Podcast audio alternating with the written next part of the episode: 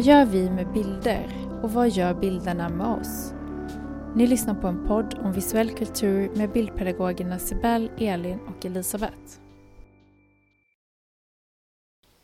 Jag har tänkt på en sak. Mhm. Eller jag undrar om ni vet vem Vet ni vem Slobodan Praljak är? Nej, Eller sa jag rätt nu? hört. Praljak. Yes. Nej, men jag såg... Eh, eller jag tänkte på att vi pratade en del om memes i förra avsnittet. Om meme-kultur. Och eh, eh, jag tycker att det är så här intressant hur grovt det kan bli, kanske. Eh, för jag kommer ihåg att vi satt och kollade på den här nyheten på jobbet och eh, följde den liksom i realtid. Så det första man fick reda på var att det var en krigsförbrytare i Eh, förbrytartribunalen i Haag som stod inför rätta, som hade varit involverade i Kosovokriget. Han hade bland annat förstört en medeltida bro. Sådär. Ehm, och den första nyheten som kom upp var eh, en krigsförbrytare har tagit gift. Det var allt man fick reda på. Liksom. Eh, och sen någon timme senare så var nyheten en krigsförbrytare har tagit gift och dog. Och allt var väldigt så dramatiskt. Han hade liksom dels ställt sig upp och ropat efter att han har fått domen att eh, nämnt sig själv i tredje person och sagt liksom Slobodan Praljak är ingen krigsförbrytare. Och sen så hade han liksom slukat det här röret eller vad det var, eller om det var ett piller. Och bara skrikit återigen bara Jag har tagit gift! Eh, och sen så dog han alltså. Och det här har liksom, det här har blivit en meme nu. Eh, eller ganska många olika memes. Eh, och jag känner mig, är jag en hemsk person som tycker att det är lite kul? Men hur ser de, eh, eller hur ser de ut liksom? Det är, no, det är någon bild och så någon text till på någon så här humor. Ja, ett exempel är till exempel eh, ja, eh, I'm General Praljak and this is Jackass och så ser man hur han tar det här giftet. Eh, men också lite som att det kan vara ganska mycket sådär att när du tar din sista shot för kvällen och vet att du borde ha kanske inte gjort det. Eh, så det är väldigt mycket sån eh, humor och också sådär eh, no going back. Lite så. Jag vet inte, jag tänker man får googla lite själv. Eh, jag vet inte, är det osmakligt? är jag en hemsk person? Har jag ingen moral? Alltså memes kan ju vara väldigt roliga, det tycker jag också. Sen är det ju, alltså det skapar en slags distans till händelsen, tänker jag. Att det blir som att man humor, humoriserar någonting som är ganska tragiskt, men Ja, det blir verkligen Det- den här, får man skämta om vad som helst? Alltså det är en man som tar, begår självmord Mm. och sen så blir det så här, eh, s- typ, om, för jag, man ser att han tar en shot typ, en gubbe Mm. som tar en shot. Och så blir det så här eh, sup, superhumor typ, så här, när du druckit lite för mycket. Ja, exakt. Men samtidigt så visade du mig nyss där han tar giftet och sen så står det så här when your girlfriend, when your girlfriend look at your web browser history. Mm. Och jag skrattade jättemycket. Ja, exakt. Jag undrar liksom Det om blir- det blir mer tillåtet att det här också är en väldigt ondskefull person. Liksom. Att Ja, man nästan rättfärdigar för sig själv att han, det är ju en krigsförbrytare. Han, även om han själv menar att han inte var det så fick han ju faktiskt, han blev ju dömd. Liksom. Han har Ja. ju gjort de här sakerna. Ja. ja, det kan ju faktiskt hjälpa till, tänker jag också. Ja. Men jag tänker att det kan bli memes av sådana här grejer med folk som inte förtjänar att hängas ut också. Liksom. Men det är Ja. konstigt så här att man... Jag tänker att det sista man skulle ha tänkt sig är liksom att efter min död så kommer jag bli en, En rolig historia. en rolig meme. Ja.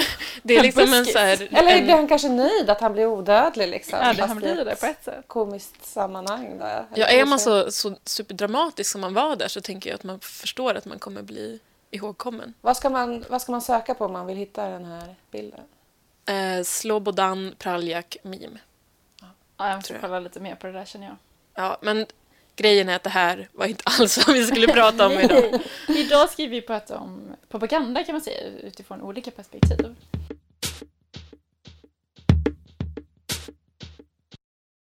Källkritik, eh, det pratar man ju om i alla möjliga sammanhang och det känns ju såklart jätterelevant Mm. Och ett måste.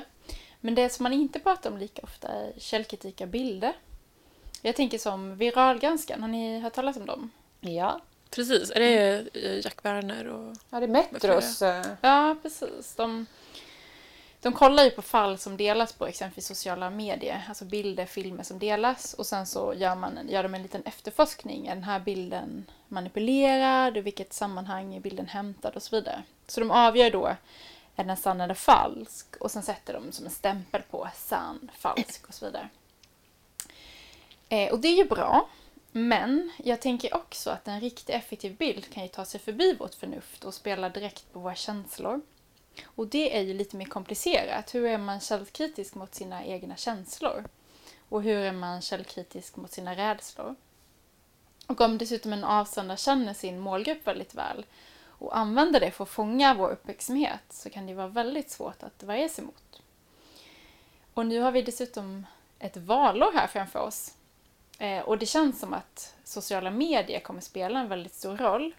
Och med sociala medier så är det ju förmodligen bilden och filmen som kommer stå ganska mycket i, i fokus. Och jag tänker att den horisontella propagandan kommer då också bli väldigt viktig under den här valkampanjen. Har ni hört det begreppet, horisontell propaganda? Alltså du, nej, du, får gärna, du får gärna förklara denna fancy expressions. Ja, exakt. Men det, man, det finns ju vertikal propaganda, horisontell. Och vertikal kan man väl enklast förklara med exempelvis där Hitler står och liksom håller ett känslosamt tal inför massan. Det är ett ganska tydligt uppifrån och ner perspektiv. Medan horisontell är ju lite mer komplicerad. Eh, exempelvis såg, såg ju Hitler till att radion blev mycket billigare under andra världskriget. Och då gjorde det att många kunde köpa hem en radio. Men det betyder ju också att då kunde hans budskap spridas och få ännu större påverkan. Liksom. Eh, och idag så tänker jag att den horisontella propagandan faktiskt eh, är kopplad ganska mycket till social, sociala medier. Att man gillar någonting, man delar, man sprider, man kanske gör memes som du pratade om av någonting. Eh, men också att det kan skapas en ganska stark visuell gemenskap på sociala medier. Som vi kommer prata lite mer om sen också. Men hur tänker ni kring propaganda? Va, hur, hur, hur definierar man propaganda? Vi måste ju ha en definition, tänker jag, om vi ska prata om det här. Mm. För det är lätt att man ser Sovjet framför sig, eller hur? Hitler och Sovjet. Det känns inte som att man pratar om propaganda idag. Alltså inte så här till vardags. För att det låter väldigt så här pompöst och mm. drastiskt. Ja men typ andra världskriget liksom. Och att det också är någonting väldigt negativt. Mm. Ja just det. att det man säger vara... det om man tycker att någon häver ur sig starka åsikter som man kanske inte håller med om. Så bara, men vad, du var, står och propagerar eller, mm. eller så. Ehm, men att egentligen så tänker jag att det handlar om att man eh, är konsten att övertyga. Mm. Och det kan ju egentligen vara eh, positiva budskap också. Även om man till vardags kanske inte använder ordet propaganda när det är någonting som är positivt. Men om man tänker till exempel, nu har ju flera av oss här jobbat i, inom skolan och då är ju läroplanen är ju liksom det är ju propaganda för ett demokrat... Alltså, vi, är, vi är generellt överens om att vi vill ha ett demokratiskt samhälle och stå för mänskliga rättigheter. Så hela läroplanen genomsyras ju av de åsikterna. Och det är ju en, en sorts att, en propaganda. Att vi vill hjärntvätta våra elever till att tro på demokrati och mänskliga rättigheter. Men så, så uttrycker vi oss inte utan det låter lite osmakligt när man säger så. Um, så jag tänker att eh, ja, i folkmun så blir det någonting negativt. Man kallar, då kallar man det värdegrund istället kanske? Ja, eh. det låter finare. ja. Precis, jag tänker också att det har någonting negativt över sig. Men att man också så här, jag tänker att den gemena bilden är väl också den här jättevertikala propagandan. Just att det är, man gärna vill veta, alltså jag tänker rent historiskt om man tänker på nazismen till exempel eller kommunismen, eh, att det handlade väldigt mycket om att så tydligt ha en jättetydlig estetik. Eh, som skulle liksom, som man förstår att okej, okay, vi förstår precis vilka som är avsändare nu och vad det handlar om. Liksom. Förstår vilka som vill skicka det här budskapet. Och att idag så kan det vara lite mer, ja men nästan som att det, poängen är att man inte ska veta vart allt har startat med sådana här budskap. För att då känns det liksom, jag tänker att man har lite mer, att man jobbar mer med underdog-perspektivet och att folk ska känna att de har fått idén själva, att det är mer så individualistiskt nu. Liksom, att det ska kännas som att nej men jag har tänkt den här tanken själv, den är helt min egen, opåverkad av Och det är väl den horisontella då. Och så upplever man Precis. som du säger att det är... Och det känns mycket värre på något sätt tycker jag. För Ja, det är den väl svårare. smyger sig in under skinnet. det. Jag är, det är som en direkt parasit. Ja, men jag tänker direkt på de här eh, ryska trollfabrikerna som väldigt sofistikerat plockar upp saker ur liksom samtiden och Men väver jag, in i de sociala media. alltså jag har hört om det här, fast du får gärna förklara vad det är för någonting. Alltså jag kan säga att det här är inte jag så jätte, jätte inläst på, men man pratar ju om att under exempelvis eh, val, valet i USA när Trump vann, att det var liksom eh, ryska ungdomar som jobbar med att plocka upp strömningar och så skapar de, eh, ja men exempelvis så här, eh, vi gör en, en, eh, en, eh, en, en, en sida eh, som handlar om rasism och så skapar man liksom en sida som är väldigt rasistisk men man skapar också en motsida. Mm. Och sen så liksom sprider man de här budskapen. Ni får gärna så avbryta mig om ni... Ja, men då, ja för de skapar Ja, ett, de ett skapar. diskussionsutrymme. Exakt. Att de skapar eh, agendan helt Ja. enkelt för valet genom att så här, vi ska ställa de här frågorna eller vi ska polarisera de här frågorna. Precis. För då kommer alla diskussioner kretsa Väldigt kring svart det. och vitt liksom. Men Ja. också att de så här, kanske skapar ett Tinderkonto med en fiktiv person, en så här snygg ung kvinna. Och sen så eh, tar man kontakt med väldigt mycket män och sen börjar man diskutera politik. Mm. Så att eh, man skapar både liksom fiktiva frågor, polariserar, men också personer som på olika sätt sprider budskap. Och gjorde så här, för jag har också läst någon Ja. artikel, vi ser om vi kanske kan hitta den och Ja. referera till. Eh, Men också så här, typ göra memes och sådana saker. Eh, Mycket med sociala Ganska medier. Och, ja, och just att de verkligen så folkliga här, rent estetiskt Mm. Ser till att de inte är så proffsiga. Så att det kan vara ganska lågupplöst, pixligt, lite taffligt eh, hopklistrat i Photoshop Mm. eller något enklare program. Så att det verkligen liksom inte går att härleda till någon rysk stat eller så. Alltså det är jätteotäckt. Eh, Det är kanske- nästan svårt att tänka sig ens. Det blir så himla... Ja, det är liksom så... lite bortom. Det är lite, det, det, å- återigen Hitler, men att det är en tillräckligt stor lögn liksom, kan man inte riktigt tro existerar. Eh, och hur, jag vet inte, för det vi ska diskutera är ju liksom hur man hittar, eller vad, vad som är sant och falskt, eller det kanske inte ens är så utan mittemellan. Men att liksom va- vara källkritisk är ju inte särskilt lätt idag. Nej.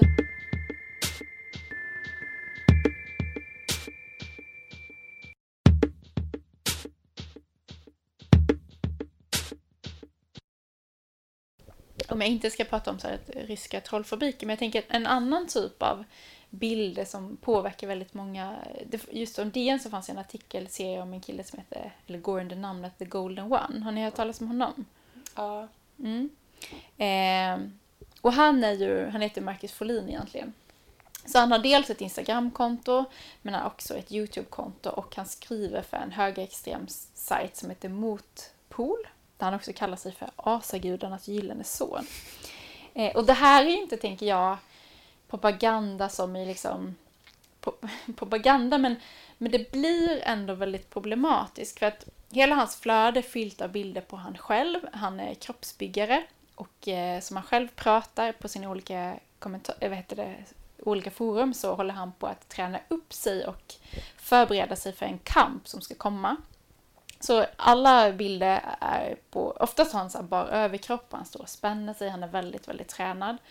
Eh, men det är också, han är också utklädd på olika sätt. Han poserar framför svenska flaggan, han har gladiatorkläder, man kan se så här spår från ja, men populärkulturella referenser som exempelvis eh, 300, den filmen, har ni sett den?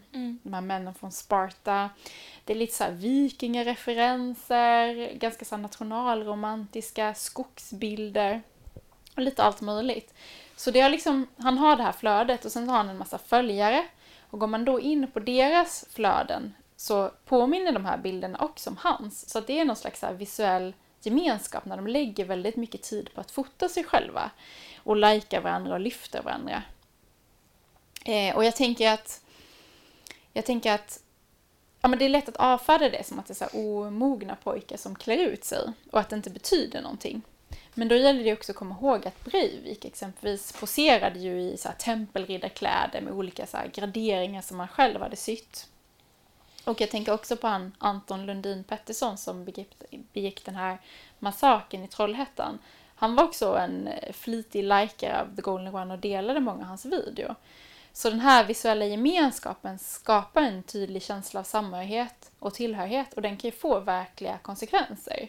Den kan ju få den här enstörningen att så här, gå över en gräns. Att så här, men jag är en del av hela det här. Och vi håller på med den här kampen. Och det är inte propaganda i klassisk bemärkelse men, men ändå någon form av propagandistisk visuell kamp. Och, och, och det är det jag tänker är så eh, viktigt att vi pratar jättemycket om källkritik men det är väldigt, och, och det är jätteviktigt att se vem är avsändare, Mm. vilka avsikter och så vidare. Men, men eftersom vi har en bildpodd här nu så är det ju liksom eh, bilderna. Att bilderna kan man ju också kolla vem har lagt upp den här bilden Mm. och vem är avsändaren. Men också just bildernas innehåll. Mm. Att eh, har man inte liksom utbildat sig inom bild på något sätt så tror jag inte att man har samma vana att prata om bilders innehåll. Och att det kan kännas mycket mer abstrakt och svårare att prata om bildbudskap. Och till exempel då den här Golden One, att plockar man fram en bild så kanske liksom, ja, här ser vi en varg som ylar mot en fullmåne. Eller nu har jag ingen, det Jo, men så är är det. lite Ja, sånt. det- Jag tror att ni, ni, Eh, jag tror att ni och det är lite He-Man, det är bilder. blonda krigare Ja. och så vidare. Och, och, och en bild kanske liksom... För jag tänker, när jag, när jag gick bildlärarutbildning så tog det flera år när jag satt och tänkte så här. Vad håller vi på med? Här sitter vi och pratar om det som är helt uppenbart. Vi säger så här, det är en muskulös blond man som spänner sin högra biceps och vänder sig i profil till höger. Han bär ett par korta byxor på sig. Bara, ja, men det är ingen här som är blind, så, här, så varför ska vi sitta här och säga det högt? Jag kunde verkligen känna det här banala i vad vi höll på med. Att jag bara, varför? Men nu är det ganska lång utbildning. Till slut så föll poletten ner. Att just hitta ord att ha ord för att kunna beskriva en bild, det handlar ju om komposition, bildutsnitt och färger och alla möjliga saker. Att hitta de orden och sen när man säger det högt så, så skapas någonting, alltså då blir det verkligt. Annars så tittar vi och så får vi en upplevelse och en känsla och precis det här du sa i början att hur vi är källkritiska till våra känslor. Och att en bild kanske inte säger så mycket men flera bilder i ett sammanhang skapar den här visuella världen som kan bli en visuell tillhörighet och en visuell kamp som skapar ett budskap som handlar om mytologi, eh, starka män, krafter, krig och så vidare. Att det finns några slagord som kanske liksom skapar den här visuella gemenskapen som sen driver ut vissa människor till aktion. Och att det är väldigt lätt att skratta åt de här bilderna för att de, det är säkert många som kan tycka att det är lite så här banalt eller vad man nu ska kalla det. Men att det finns ett allvar i det. Och jag tänker att det är en jätteviktig grej att, eh, att, att prata om bilder och bilders budskap för att sen också kunna vara källkritisk till vilka budskap som förmedlas och vad, vad syftet med dem är. Ja, och att beskriva bilder tycker jag också kan bli att klä av dem lite. Jag tänker på eh, en konstnär som heter Indre Serpytte som, eh, som har ett ljudverk som är att, alltså att en syntolkare beskriver liksom hur man demolerar eh, eh, liksom sådana statyer, tror jag. Från, jag tror att det kan vara kommunistiska statyer av typ så Stalin och sådär. Eh, och att det är sådana super, kanske känslomässiga bilder eller så. Att det är liksom sådana där superstarka, men att det blir liksom sådär... Ehm, statyn faller till vänster. Ehm, ungefär fem personer står nedanför. En har sträckt upp armarna. Eh, statyns huvud finns inte på plats. Och eh, alltså på något vis att man eh, bara drar undan en ridå liksom. Och säger vad saker är. Och jag kan tänka lite med den här The Golden One också, att man skulle behövt göra en sån. Här står han och spänner sina muskler mot en solnedgång. Jo, men jag tänker att det är Han många som har syntolkningar på Instagram man kanske ska tipsa om. Ska inte du också? För det som också är när man säger sånt högt, det är ju att då blir det också påtagligt vad det är vi inte ser. Mm. Det är ju inte en spinkig, tanig kille. Det är, han är inte mörkhårig är utan han är ingen nästan kvinna. alltid Mm. blond och det är absolut ingen kvinna, nej. Eh, han står vid en solnedgång, det är inte Vi kör. en... Nej, precis. Så att eh, det, det är ju lika mycket det, alltså det är ju, alla bilder har ju ett, skapats eh, med en intention. Mm. Och då är det ju allting som har valts bort som vi också blir, blir påtagligt. Att just det, det är ju en röd tröja. Det är inte en rosa. Eller ja, och så vidare. Att det är det vi Precis. också upptäcker. Va? Och sen kan man ju också, när man hittar gemensamma nämnare, jag tänker att det här bildspråket tilltalar målgruppen unga män och pojkar ganska mycket. För att det, alltså man kan hitta referenser till film, till tv-spel och så vidare.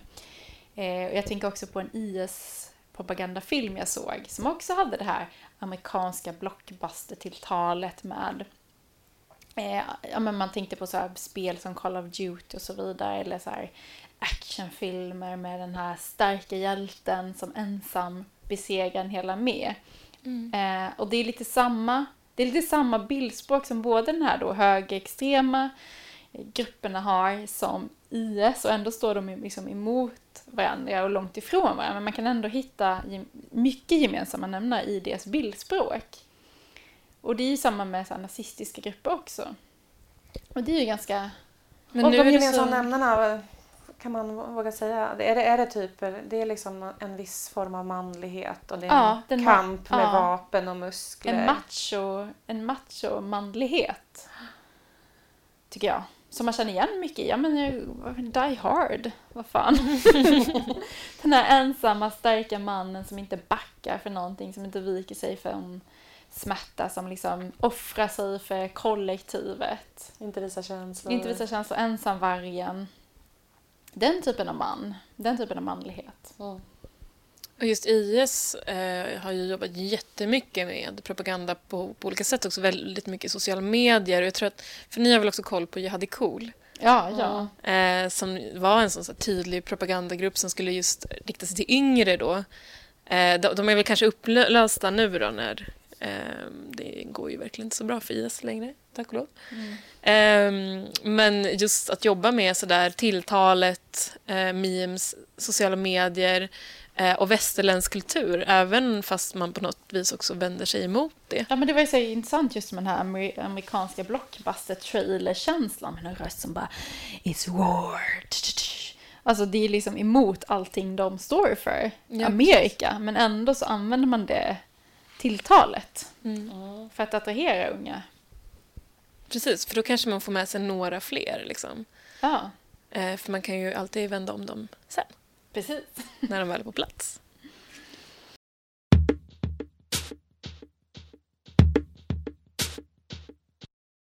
Ja, för jag tänker att en viktig poäng i alltså det är att förstå hur bildbudskap skapas och hur de vinklas och att känna igen när detta sker. Och då har vi ju fem propagandatekniker som kan vara bra att kunna rabbla på sin högra hand. Precis. Har du dem Elin? Eh, ja, eh, nu ska vi se. Spela på känsla. Eh, tilltala en viss målgrupp. De två har vi redan nämnt här. Och sen har vi attackera motståndaren, skapa vi och dem. Vinkla, ljuga. Och också repetera ett budskap som känns ganska så också typiskt för vårt samtid. Att det är väldigt enkelt att repetera ett budskap. Man kan skapa liksom ett Twitterkonto, ett Instagramkonto, Facebookkonto, hemsida och så bara mata ut sitt budskap.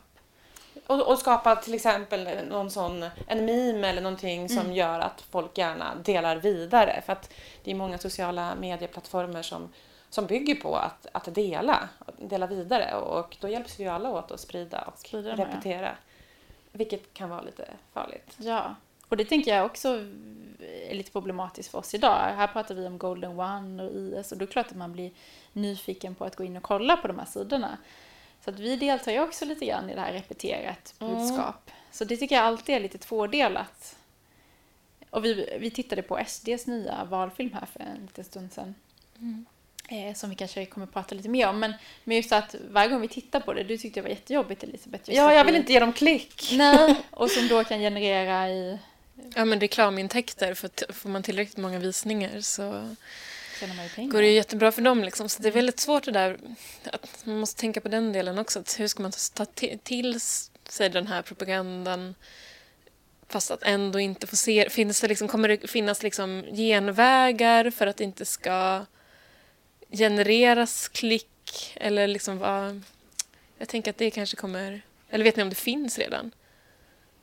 Nej. Nej. Nej. Om man kan vara liksom undercover och kolla. Liksom, och så. Ja, ja, precis. Det, det, ja. Men det där är ju verkligen ett problem. Liksom, att, Verkligen. eh, för just den där femte punkten, den kan ju vara väldigt så oavsiktlig. Den Mm. kan ju i princip vara av helt motsatta Mm. eh, avsikter. Men ändå så blir all Ja, publicitet Man kan ju bra ge, publicitet. precis, man kan ju ge någon väldigt mycket utrymme. Och då tänker jag på de här eh, propagandabilderna, eller na, na, bilden av nazisten. Kommer du ihåg Elisabeth? Eh, nu har det varit, Nordiska motståndsrörelsen hade ju mycket demonstration här i höstas. Och just den tidningsbilden av de som spreds. Ja, du tänker på, på det? jag tänker på det. Eh, ja, det, dels var det ju att de demonstrerade, alltså Nordiska motståndsrörelsen demonstrerade i Falun första maj. Um, och då spreds det väldigt mycket bilder från den situationen. Eh, Expressen och andra tidningar eh, och kanske framförallt deras nätupplagor. Ehm, Där man ser då uniformerade män, vita skjortor, svarta byxor, raka led, hur de tågar fram i så här räta linjer. Man fick, alltså man fick faktiskt så här nazist... eh, Mm, andra världskrigets kopplingar. Att de såg så organiserade ut. De såg många ut. De hade fanor resta i parallella rader. Eh, disciplin och uppslutning. Och att jag reagerade när jag såg den, att man liksom här nästan flämtade till lite. Det såg ganska otäckt ut. Och vad bildernas budskap förmedlar är ju verkligen att det här är män med makt, de flyttar fram sina positioner, de är många och de är en kraft att räkna med. Och de här bilderna som då de här tidningarna publicerade, det är ju bilder som de själva använder, Nordiska motståndsrörelsen. Alltså det är så här de vill framställa sig själva. Och där har vi ju verkligen liksom, apropå att upprepa ett budskap då, att deras egen propagandistiska självbild för en nazistisk rörelse, den vid, sprider då etablerade media vidare åt dem. Jag tror att de var sjukt nöjda, även om de bara gick 150 meter eller vad det var sen i Göteborg. Jag vet inte hur det var. Ja. Så de här bilderna lever ju vidare. På så sätt så kan man ju verkligen tycka att de vann, eller vad man ska säga. Att det känns som att de uppnådde, uppnådde sitt när, eh, mål när alla stora tidningar i Sverige högt visar de här maktbilderna av dem. Det är klart att de måste bara suttit hemma och firat. Jag kommer inte ihåg hur det gick i Falun faktiskt. Men eh, de demonstrerade ju igen där Mm. eh, i oktober i samband med bokmässan. Och då är det ju lite delade meningar hur bra det gick. För de kom ju inte så långt fram överhuvudtaget. De blev stoppade av polisen. Eh, men där har vi ett tydligt och bra exempel på hur GP, alltså Göteborgs-Postens papperstidning, hade på första sidan en, en bild från eh, den demonstrationen. Eh, och det är en bild när fotografen har riktat kameran ner mot eh, asfalten. Alltså det är en stor trottoar eller en asfaltsväg. Och sen så är det en mur av ryggar från polisen eh, med gula västar och står det polis. Eh, och sen så är det en liten glipa i den här muren av ryggar i mitten av bilden i överkant där man ser skymta längst bak i bildrummet eh, några män då från Nordiska motståndsrörelsen. Så att eh, bilden förmedlar ju precis motsatsen där att här kom de inte så långt alls. Vi har, vi har samhällets krafter i form av polisen som stoppar antidemokratiska rörelser. Vi kan känna oss trygga här bakom deras ryggar. De här männen är inte många, de har inget handlingsutrymme. Och alla sådana här händelser så finns det ju massa fotografer på plats. De tar jättemycket bilder för så jobbar fotografer. Men eh, en stor problematik är ju då att många eh, medier de har eh, rationaliserat bort bildproducenten. Så att fotografen har ju sina bilder. Sen är det en reporter, som, allt ska ju gå så fort också. Så en reporter tar någon bild från alla de här eh, bilderna och kastar in och snabbt upp på nätet eller kanske trycker den här tidningen.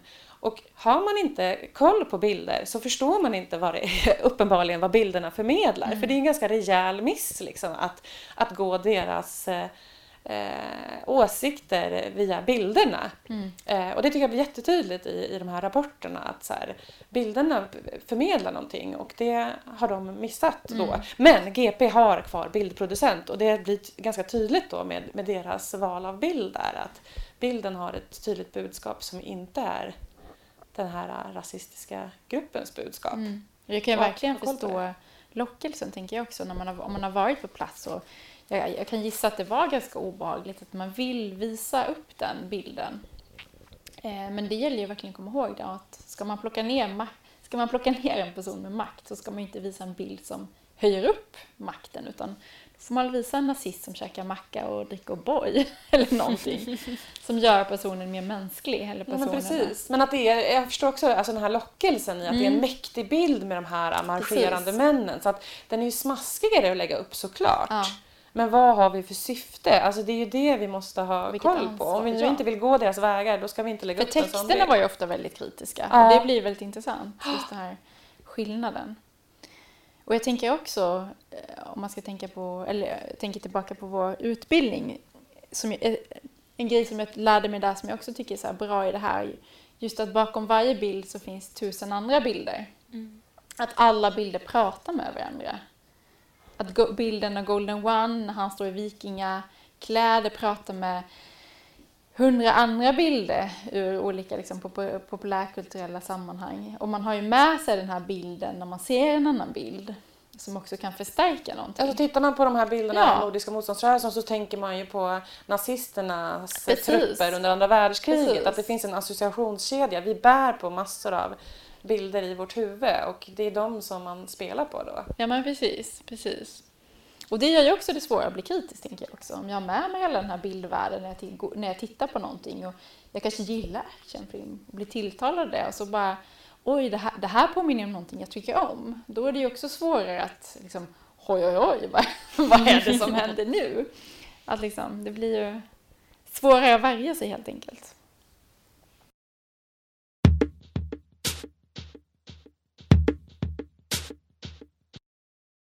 Men SD, Ska vi prata, Ska vi prata om SD?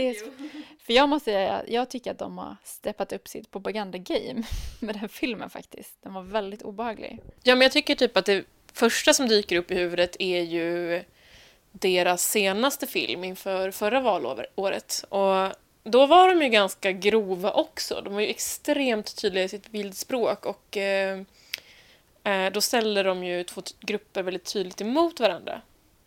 Eh, på ett sätt som de kanske inte riktigt gör nu. Då ställer de ju flera grupper mot varandra. Men då var det ju att man eh, hade bilder av eh, pensionärer med rollatorer som då blev liksom omkullsprungna av eh, eh, människor som bar slöja. Så det var ju otroligt så svartvitt tänkande och ställa en grupp mot en annan. Verkligen skapar via dem. Men visst Absolut. blev den också väldigt sådär... eh, Jag tror de blev anmälda. Ja, och alltså den blev jättekritiserad att de tog bort den. Ja. Alltså Mm. att den är typ svår att hitta nu för Mm. att de, det blev sånt ramaskri liksom. Ja, det är så tydlig hets mot folkgrupp också. Ja, ja. Det, det märks nästan som att de har tänkt lite på det, att de Mm. vill hålla sig lite mer diffusa i den här.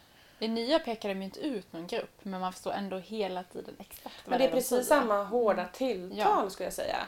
Och den här filmen är ju liksom...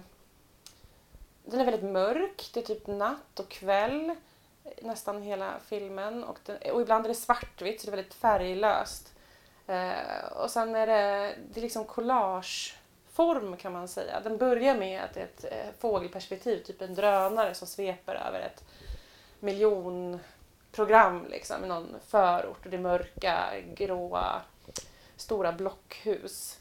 Eh, och sen kommer det liksom massa olika bilder. Det är jättemycket bilder på sirener, blåljus, brinnande bilar, explosioner, taggtråd. Ehm, men också lite så här en moské, LO-borgen. Eh, en, Aftonbladet, ja, eh, en demonstration på Medborgarplatsen där det var afghan, afghanska pojkar som protesterade mot utvisning. Mm.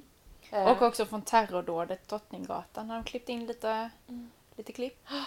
Och sen eh, över de här klippen då så ligger en voiceover som är Jimmy Åkessons röst där han pratar om att eh, Sverige lever i ett, eller Sverige är ett tillstånd av förfall, terror har blivit verklighet, svenskar lemlästas på våra gator. Eh, Inbördeskrig nämner han till och med. Ja, kvinnor gruppvåldtas. Alltså det är väldigt grova ord. Och, och där kommer ju också liksom i, med orden så kommer det bilder då. Varför visar man en moské när man pratar om gruppvåldtäkter? Det talar i sitt tydliga språk utan att de då visar eller säger högt Mm. vad de menar så, Mm. så blir det ju ett plus ett. Att Ja, alla när de fattar ger vad, en- vad syftet är. Liksom. När de Och ger sen- en känga mot medierna så är det ju också en Aftonbladet-mikrofon. Så Mm. Väldigt tydligt så. Jag tänker att Aftonbladet har lite så vänsterkopplingar Mm. också. Så det är liksom inte vilka medier som helst såklart. Utan Mm. Ja, för det är ju också, jag säger också det här, den här rösten att Socialdemokraterna och Moderaterna, det är genom eran politik som det här kaoset har skapats. Ni ljuger, säger han flera gånger tror jag till och med. Eh, och det är, det är deras politik som har skapat de här problemen.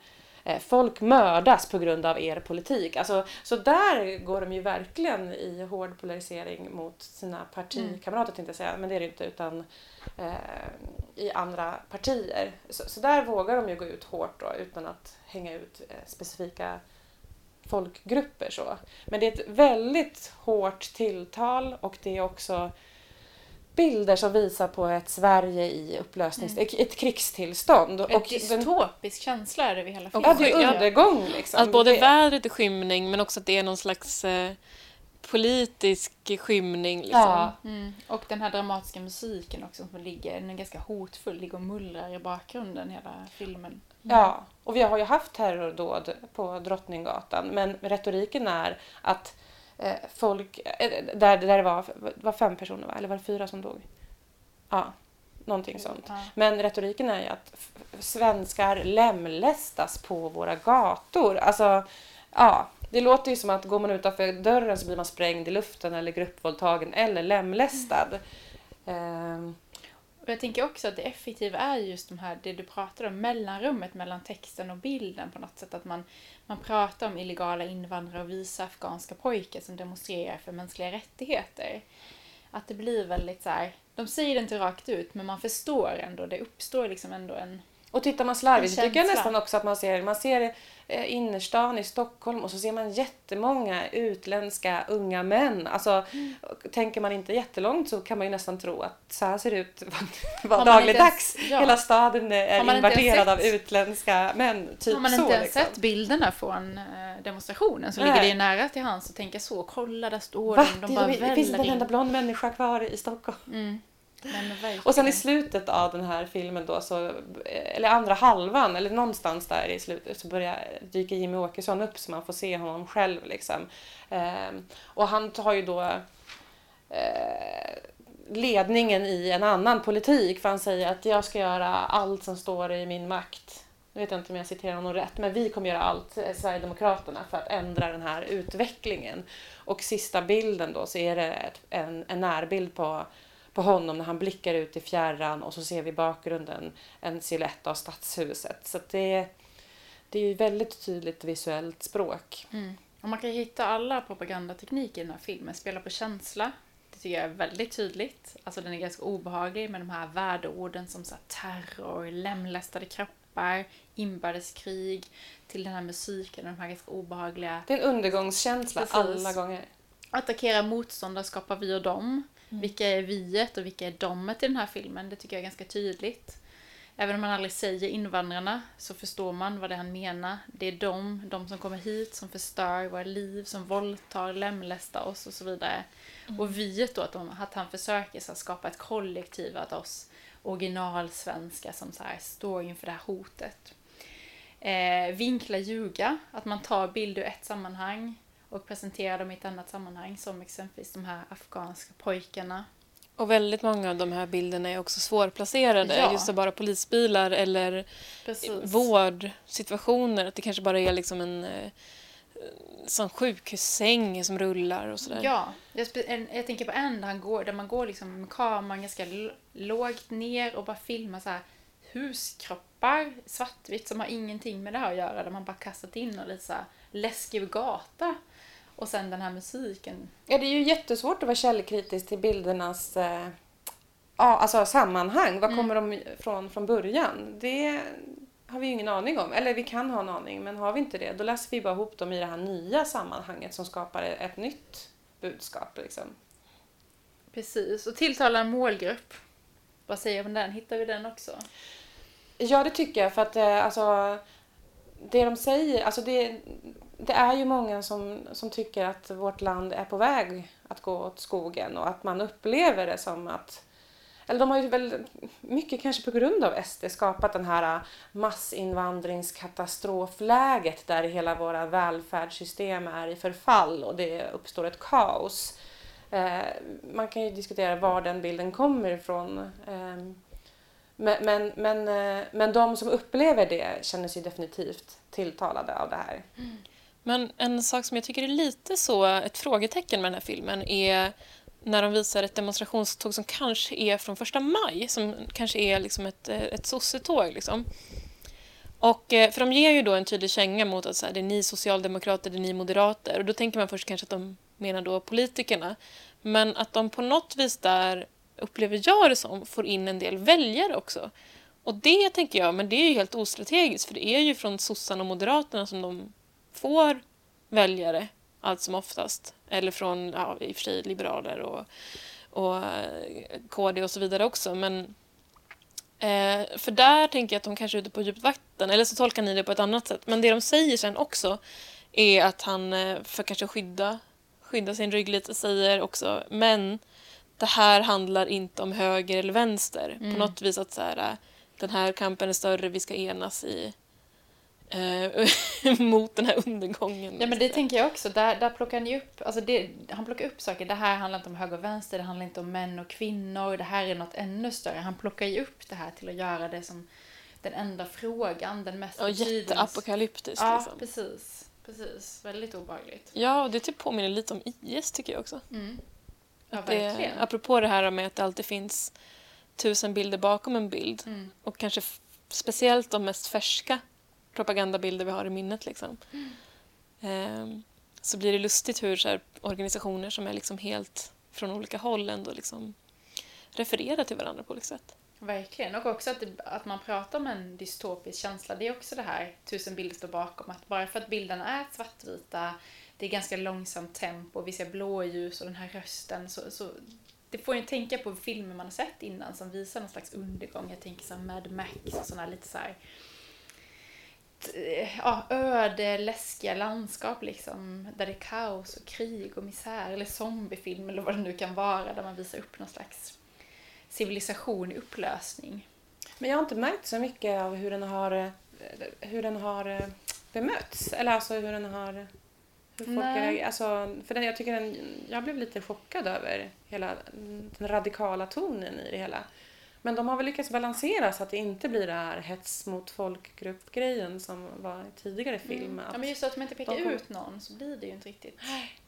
Men som sagt, de har en hård ton så att vi får se vad det ger för effekter på fortsatta valrörelsen. Mm. Att ska, dras folk, dras alltså andra partier med i den här hårda retoriken eller kan, Mm. vi, kan vi få en rumsren eh, valrörelse? Och kommer, kommer propaganda, eller, eller vad ska man säga, partifilmerna se mer filmiska ut på det här sättet? Kommer man jobba mer eh, med den här typen av visualiseringar där man målar upp liksom en ganska så här... Ja, det tycker jag ska bli intressant också att se. Och också läskigt. Hur svarar de andra partierna upp på det här?